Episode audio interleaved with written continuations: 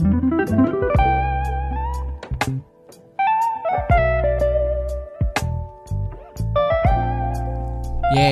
welcome back to podcast. AJG. Ya, selamat datang lagi teman-teman di podcast ini. Hari ini masih sama aku Feliani. Dan aku on Christopher Pasaribu. Kita hari ini mau menceritakan salah satu bagian besar dalam hidup kita ya, ya, yaitu berkuliah karena sepertinya aktivitas utama masih berkuliah ya. Kau Ya. kuliah sambil Kuliah. kerja nggak? Tidak sambil kerjakan tugas. Sambil. Oke, kerjakan siap, tugas kuliah. siap, siap.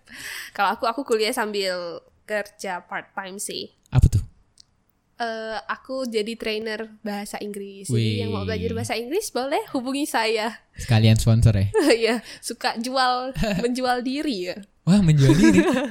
Bahasanya Bu, tolong supaya tidak disalahartikan. Iya, maksudnya saya menjual skill saya Wah. supaya bisa mendapatkan uang Nah, ya. begini dong. Jadi kita mau bilang selamat datang angkatan 2020 di masa perkuliahan. Welcome.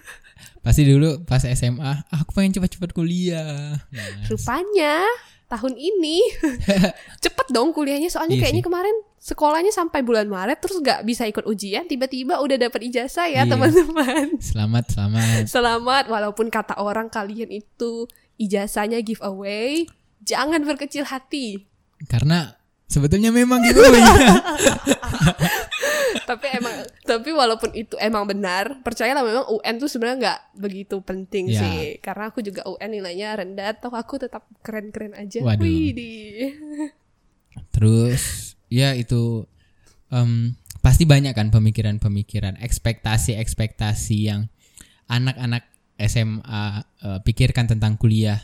Terus kalau kau nih apa Vel? Kau ada ekspektasi-ekspektasi gitu ndak pas SMA mau ke kuliah?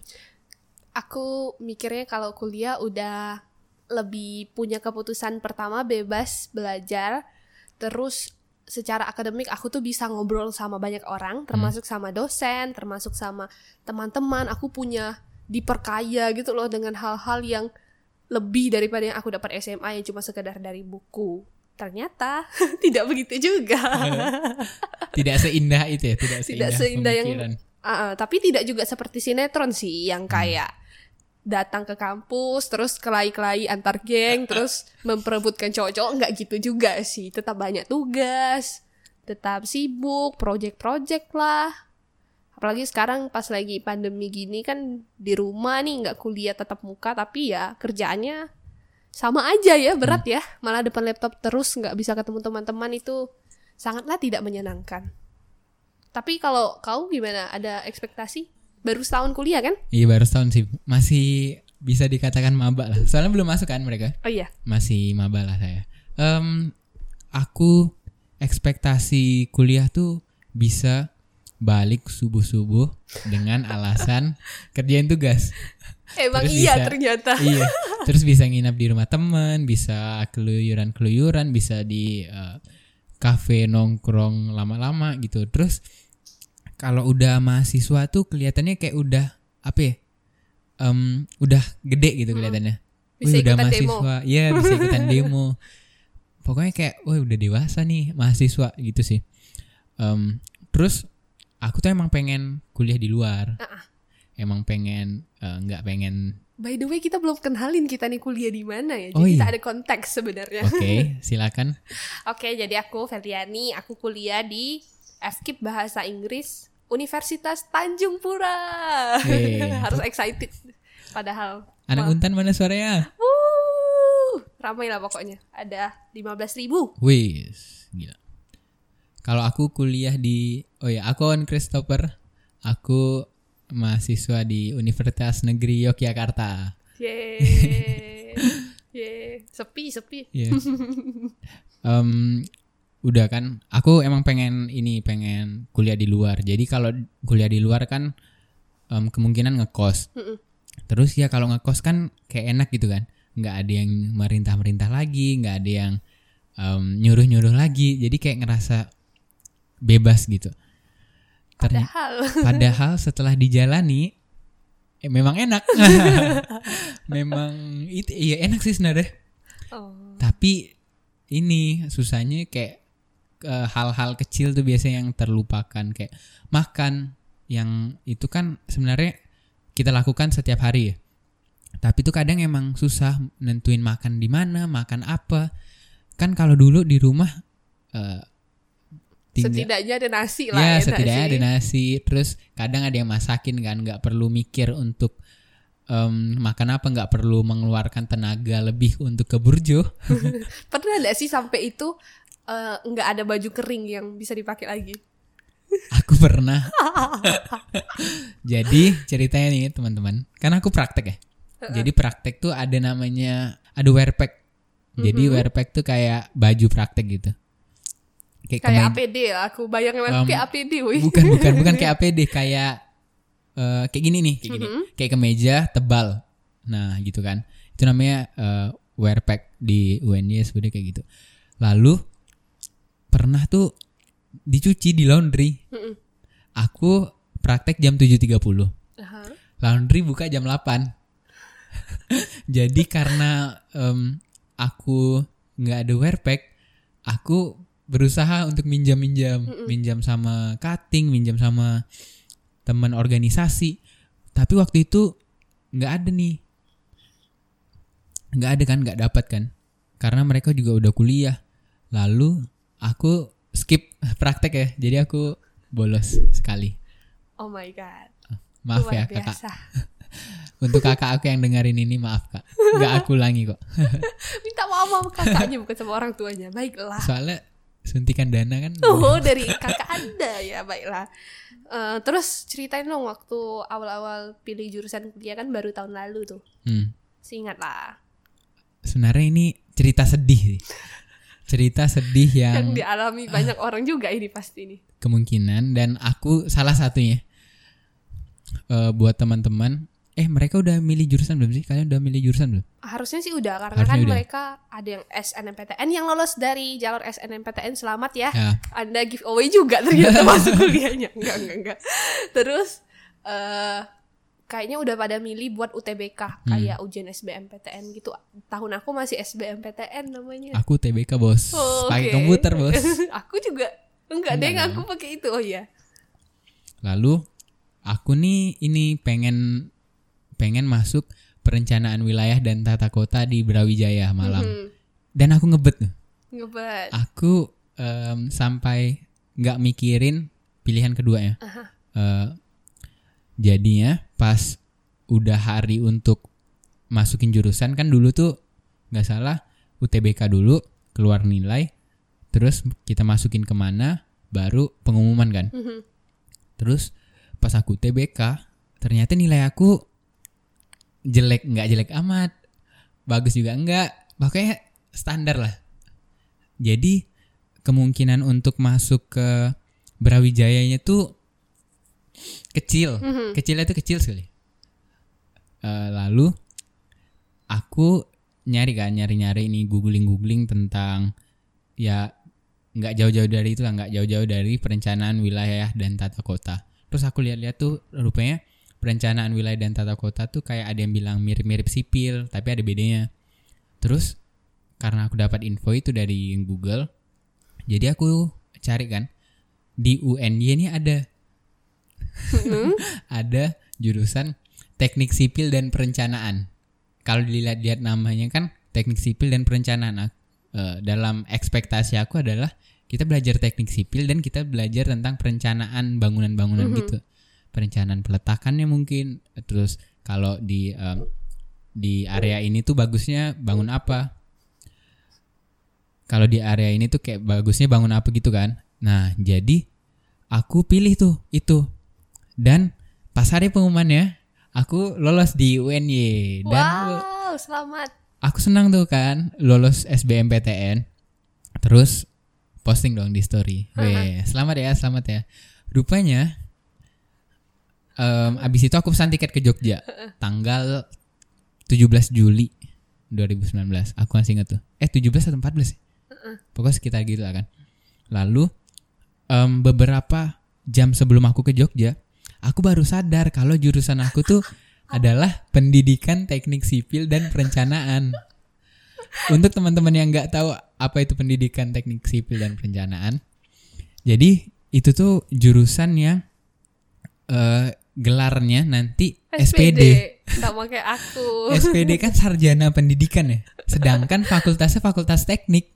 Jadi menurut aku agak shock sih. Shock sih waktu itu kan. Karena ini kan fakultasnya teknik. Tapi kok SPD? SPD kan rata-rata guru. Nah, itu sempat down, sempat padahal itu hamin, hamin berapa jam ke Jogja kan. Jadi kayak benar-benar sampai Jogja tuh orang yang biasanya senang, aku tuh kayak dia merenung. aku mau jadi apa nih masa depannya? Terus eh, singkat cerita, aku datang ke kampusnya, aku tanya-tanya dosennya, aku tanya-tanya em, kepala jurusannya. Terus aku ngobrol sama em, orang tua aku kan. Jadi akhirnya aku memilih untuk ambil tuh jurusan di UNY. I see. Sama lah aku juga sebenarnya eh, nggak salah jurusan amat sih, cuma bukan di pilihan pertama. Aku juga dulu pengennya kuliah di eh, Jogja. Wih. Aku udah pernah ke kampus itu, aku sudah pernah pakai alma mater kampus Waduh. itu. Terus aku foto jadiin wallpaper dan aku pernah try out dan try out aku tuh hasilnya lolos dari tryoutnya ya dan aku sangat percaya diri dong waktu itu uh, bakal lolos di tempat itu kan di kampus itu sebut saja kampus yang ada di Jogja Anda bisa menebak lah kira-kira Yang ada gajahnya. terus uh, ternyata tidak lolos. Tapi aku pilihan ketiga aku masih ada untan. Hmm. karena aku udah ya aku cukup strategis ya. Aku kira kayak nggak mungkin Mbak. maksudnya ada kemungkinan aku nggak lolos jadi yang ketiga haruslah yang dekat-dekat sini. Dan itu sebenarnya karena pada hari H aku kayak kekurangan waktu ngerjainnya. Jadi aku tuh biasa aja ngerjainnya kan. Terus tiba-tiba aku ngerasa tuh kayak pengen baca soal itu dua kali. Kan nggak boleh kan harusnya. Karena bisa mengurangi waktu. Jadi aku tuh baru setengah setengah soalnya selesai udah habis waktunya jadi sisanya tuh aku aku nggak baca bahkan nggak baca jadi aku jawabnya ngasal itu Oh. parah sekali sih terus aku kayak dari situ aku udah sadar oh kayaknya aku nggak bakal lolos di pilihan satu atau dua nih Jadi sebenarnya tuh mungkin-mungkin aja lolos ya. tapi itu sepertinya karena doa ibuku ya Emang karena kenapa tuh doa ketika saya meminta restu beliau Hmm. beliau cuma bilang ya mama doakan tapi kuliah di untan aja Waduh. Luar biasa sekali doa ibu ini. Jadi emang kuliah di Untan, tapi awal-awal awal-awalnya sih aku bisa terima-terima aja sih kayak oh aku karena udah sadar nih bakal masuk Untan, tapi pas udah tiga bulan kuliah aku sempat memutuskan untuk drop out. Memutuskan untuk drop out. Oh ya. Terus Jadi tuh sebenarnya aku kuliah tuh aku nggak ada konsultasi sama orang tua aku. Jadi Hmm. waktu itu aku tuh ya anak nakal kan. Jadi aku waduh, tidak ber ya, siap. ber- berbicara dengan orang tua aku gimana gimana cuma aku bilang waktu itu aku mau kuliah di Jogja gitu kan. Eh, dengan maksud supaya disiapin duitnya supaya bisa ke sana gitu kan. Terus malah nggak lolos kan. Jadi ya udahlah bahagialah orang tua saya tuh kan. Karena nggak lolos tapi kuliah di sini. Jadi eh, itu keputusan aku yang mau kuliah tuh aku. Dan yang ngurus semua berkas bla bla bla semuanya itu aku. Jadi ketika aku struggle kuliah orang tua aku cuma bilang ya udah keluar aja. Segampang itu tapi nggak da- dalam artian eh, mematahkan semangat sih. Habis itu orang tua aku bilang juga coba pikirin lagi betul-betul gitu kan. Kalau memang mau keluar ya keluar aja mumpung masih baru kan. Tapi kalau emang mau lanjut harus dipikirin matang-matang gimana. Jadi dari situ aku salah satu tanggung jawab terbesar dalam hidup aku yaitu kuliah ah, apakah aku mau melanjutkan atau berhenti. Walaupun di awalnya aku ekspektasi aku buyar semuanya karena aku ngerasa oh harusnya kan pendidikan bahasa Inggris nih. Aku harusnya temen-temen aku udah jago dong bahasa Inggrisnya gitu kan. Rupanya aku ngomong bahasa Inggris cuma sama dua tiga orang aja di kelas. Jadi kelas itu nggak banyak yang bisa bahasa Inggris. yang lain tuh bisa tapi tuh bener-bener beginner banget gitu. Oh, sedangkan Anda udah? Un- intermediate lah Wah, udah iya. agak levelnya dua level gitu jadi aku bertiga awal-awalnya kan ngobrol kan itu challenging sekali sih karena kayak ngerasa ketika ka, betul ya kata mau di Ayunda kalau kamu merasa kamu orang terpintar di kelas kamu berada di ruangan yang salah gitu kan Hmm. jadi aku nggak ngerasa terpintar sih tapi aku ngerasa aku nggak punya saingan Hmm. dan itu melemahkan semangat aku buat belajar karena nggak kayak nggak kompetitif gitu Nah, aku juga punya cerita menarik nih.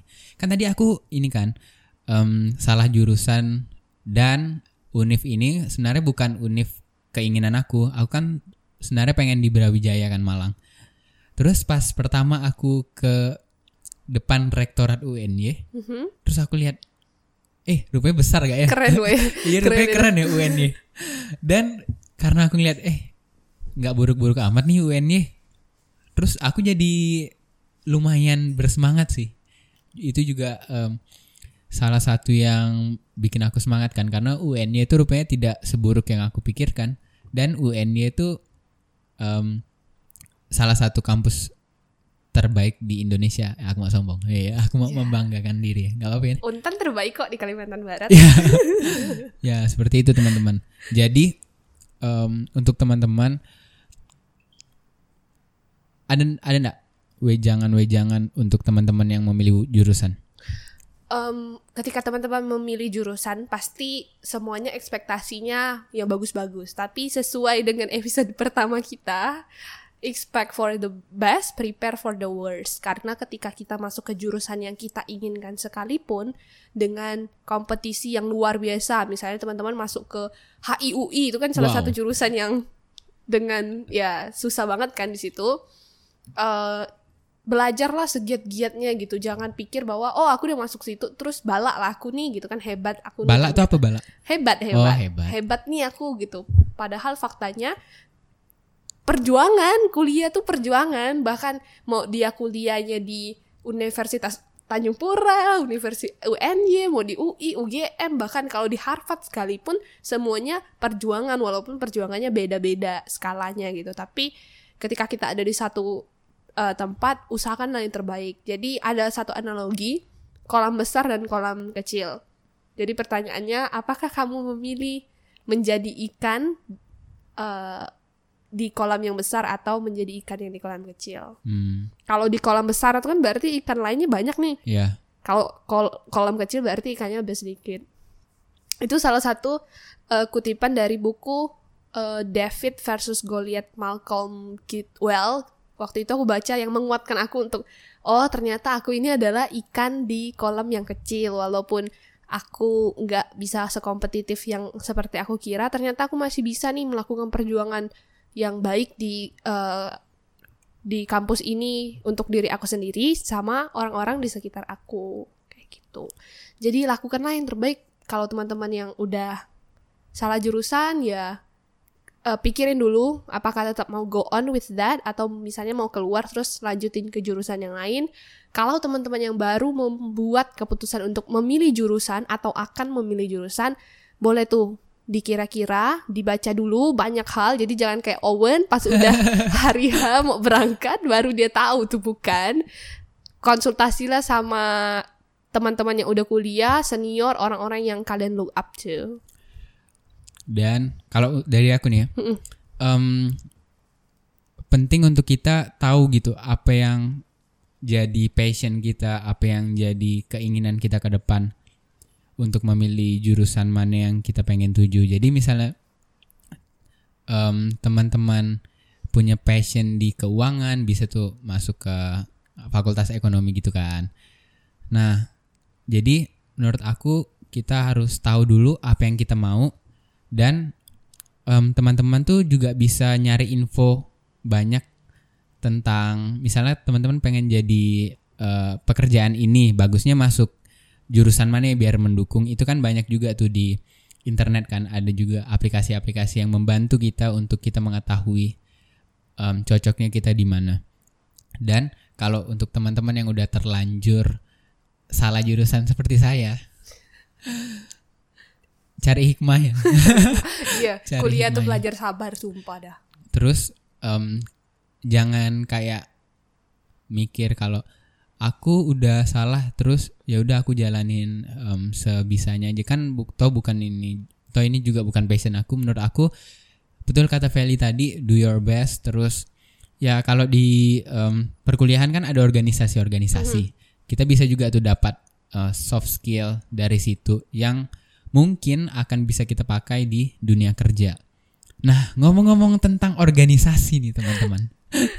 Ada istilah yang akan kalian tahu kalau kalian kuliah, em, yaitu kupu-kupu dan kura-kura. Kura-kura. Jadi kalau kupu-kupu tuh kuliah, pulang, kuliah, pulang. Kalau kura-kura, kuliah, Rapat. rapat, kuliah, rapat. Kau yang mana nih tipenya? Aku kupura-kupura. Kupura-kupura. Kadang pulang, kadang rapat. Kalau kau? Aku selama kuliah ku- kura-kura dah. Kura-kura ya. Karena aku jarang pulang. Kayak Bang Toib dong, jangan pulang. Ketawanya delay. Oke, jadi ah, betul tuh yang tadi kata Owen bahwa pas kita kuliah tuh platformnya besar sekali nih. Kita bisa belajar dari mana aja, dari kuliah segala macam. Coba ceritakan gimana Anda menjadi kupura-kupura ini. Em, aku ada ikut satu organisasi di kampus. Organisasi namanya Persekutuan Mahasiswa Kristen UNY atau disingkat PMK UNY. Jadi ya itu eh, sebuah organisasi untuk mahasiswa-mahasiswa Kristen khususnya. Jadi di situ kita bisa em, apa ya dapat ya keluarga baru. Terus kita juga sama-sama belajar bertumbuh dan melayani gitu sih. Lebih eh, lebih ke organisasi untuk mahasiswa Kristen. Jadi kita juga ada ibadah-ibadah di situ. Ya seperti Kalau bukan kalau nggak nggak PMK berarti langsung pulang habis kuliah. Iya. Kalau nggak PMK pulang. I see. Kalau aku, Hmm? aku cukup kura-kura. Jadi aku selama 4 semester awal, tiga semester lah, semester 4 kita anggap saja semester bonus. tiga semester awal, waktu itu aku masih memimpin eh, usaha sosial yang baru, pipet kita. Aku juga waktu itu ikut, eh, aku salah satu debater di di debating Union University of Tanjung Pura. Aku juga dulu kalau pas masih maba kan kita mesti tuh ikut-ikut yang kayak ospek-ospeknya gitu. Walaupun aku jarang sih ikutnya tapi kayak kadang-kadang ikut terus dulu pernah ikut ya kayak ya asosiasi mahasiswa Kristennya pas awal-awal. Tapi aku jarang ikut aktivitas di kampus. Mostly aktivitas aku adalah aktivitas di luar kayak jadi aku kuliah terus aku ngajar eh, part time ngajar habis itu aku eh, fokus ke organisasi yang aku bangun terus aku jadi debater dan aku juga ngembangin skill gitu secara dulu tuh dan dulu aku udah biasa ngembangin skill online Eh, jadi yang pas pandemi ini sih nggak kaget-kaget amat sih pas waktu mau webinar zoom meeting segala macam kayak gitu sih kelihatannya nggak banyak tapi ketika aku lihat jadwal aku jam 7 aku pergi ke kampus nih balik Jam rumah 7 jam pagi? 10 malam Wow.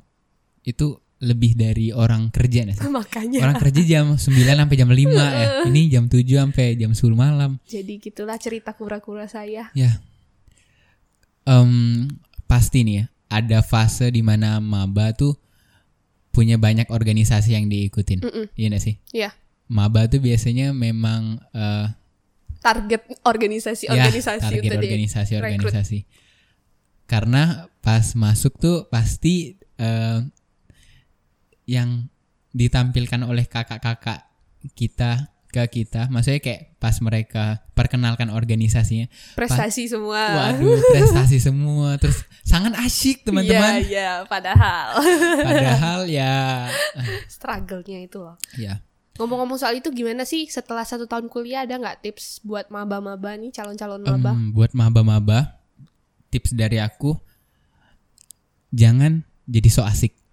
Kenapa tuh? karena kayak kalau ada orang yang so asik tuh sulit mendapatkan pertemanan ya sih Oh, bukannya Eh, iya maksudnya asik jangan so asik gitu Oh, so asik. Oke. Eh, so asik tuh kayak apa sih so asik malah Oh. risih Mm, orang mm, lain mm. dan kadang tuh banyak tuh yang so asik ke cutting Oh iya. kayak caper-caper nah menurut aku em, di semester semester awal tuh kita ya biasa-biasa aja jadi diri kita terus em, observasi dulu lah ya. ya observasi dulu.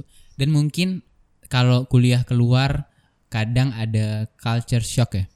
Nah itu bisa di em, teman-teman inilah pandai-pandai beradaptasi de- dengan hal itu.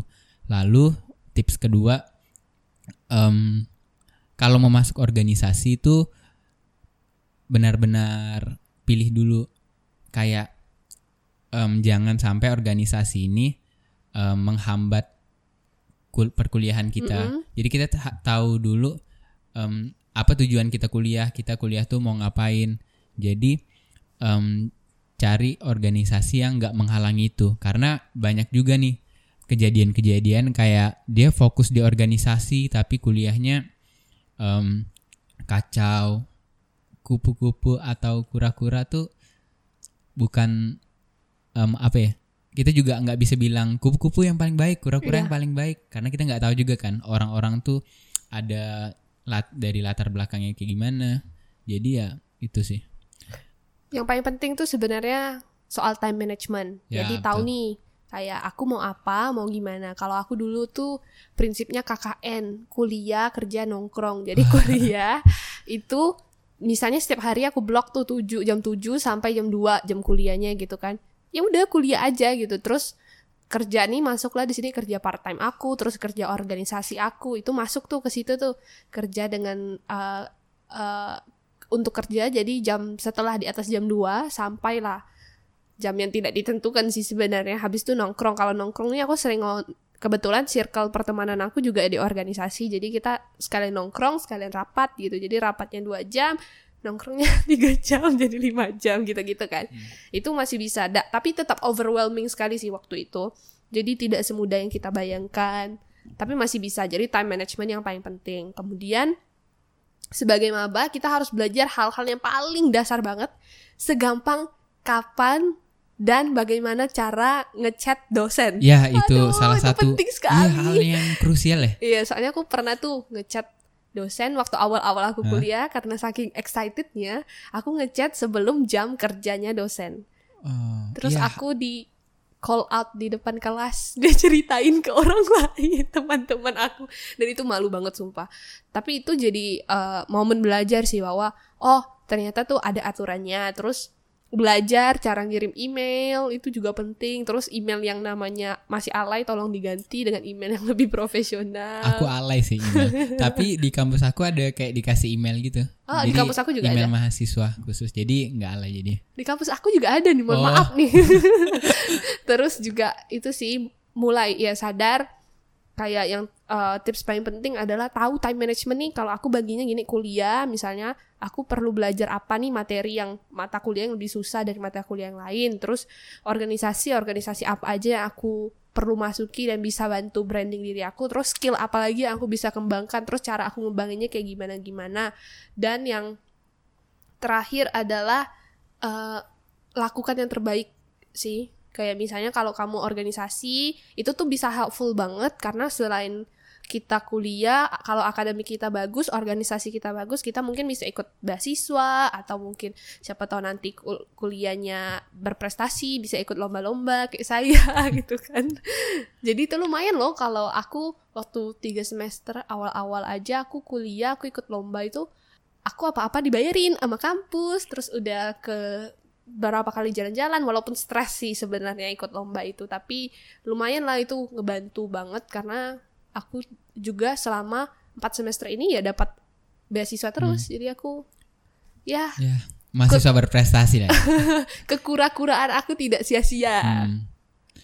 Kura-kura. Oh iya, kura-kura ya, kura-kura. Iya kan, kura-kura. kekura-kuraan aku tidak sia-sia Dan ini sih em, deketin dosen. Oh, tapi dekatin dosen nih harus hati-hati ya, terutama yang untuk ciwi-ciwi. Aku mau kasih sedikit tips soalnya kita juga tahu kan di Indonesia sempat yang tahun kemarin ada kasus heboh banget tuh yang di di UGM lah ya di UGM tapi itu karena antara mahasiswa eh, mahasiswa cuma kalau di di kampus itu emang ada gitu jadi Hmm. kalau ce- yang terutama cewek-cewek ke dosen cowok lebih uh, fokus berhati-hati jangan selalu positive thinking. Kalau diajak "Ah, nanti ke rumah saya aja ambilnya. Waduh. atau nanti saya antarin pulang. Itu udah pokoknya menjaga tetap profesional tuh yang paling susah sama. Makanya aku sebenarnya lebih senang email dosen. Cuma kayaknya dosen-dosen di Indonesia lebih senang WA ya. Jadi WA lah di jam-jam dia ngajar jam kerja jam 8 sampai jam 5 gitu. Terus dengan bahasa yang sangat dikurasi dengan baik sehingga tidak ada penyelewengan-penyelewengan dari satu pihak ke pihak lain Dan jangan pakai emoticon-emoticon. iya kan Biasanya pakai emoticon tuh dipermasalahin juga sama dosennya. oh. Kalau di kampus aku.